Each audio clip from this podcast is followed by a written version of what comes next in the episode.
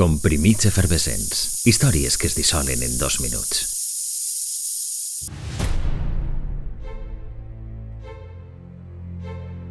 Es cremaren com tots els anys, però tristament aquella nit fou d'ambulàncies. Va passar durant l'encesa de la falla situada en el recinte que avui coneguem com plaça de l'Ajuntament de València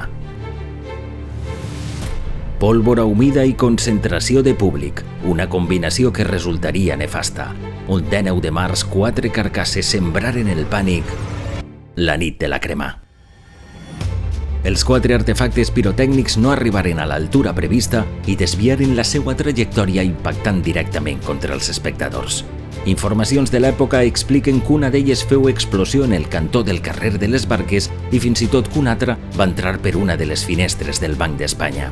Estes explosions a baixa altura causaren la mort de tres persones i desencadenaren el pànic entre el públic.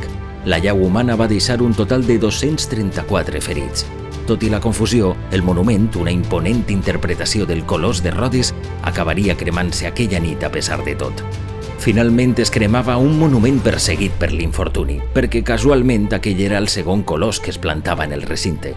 La comissió va decidir repetir monument després que l'any anterior el vent tombara el mateix dia de la planta el primer dels colosos.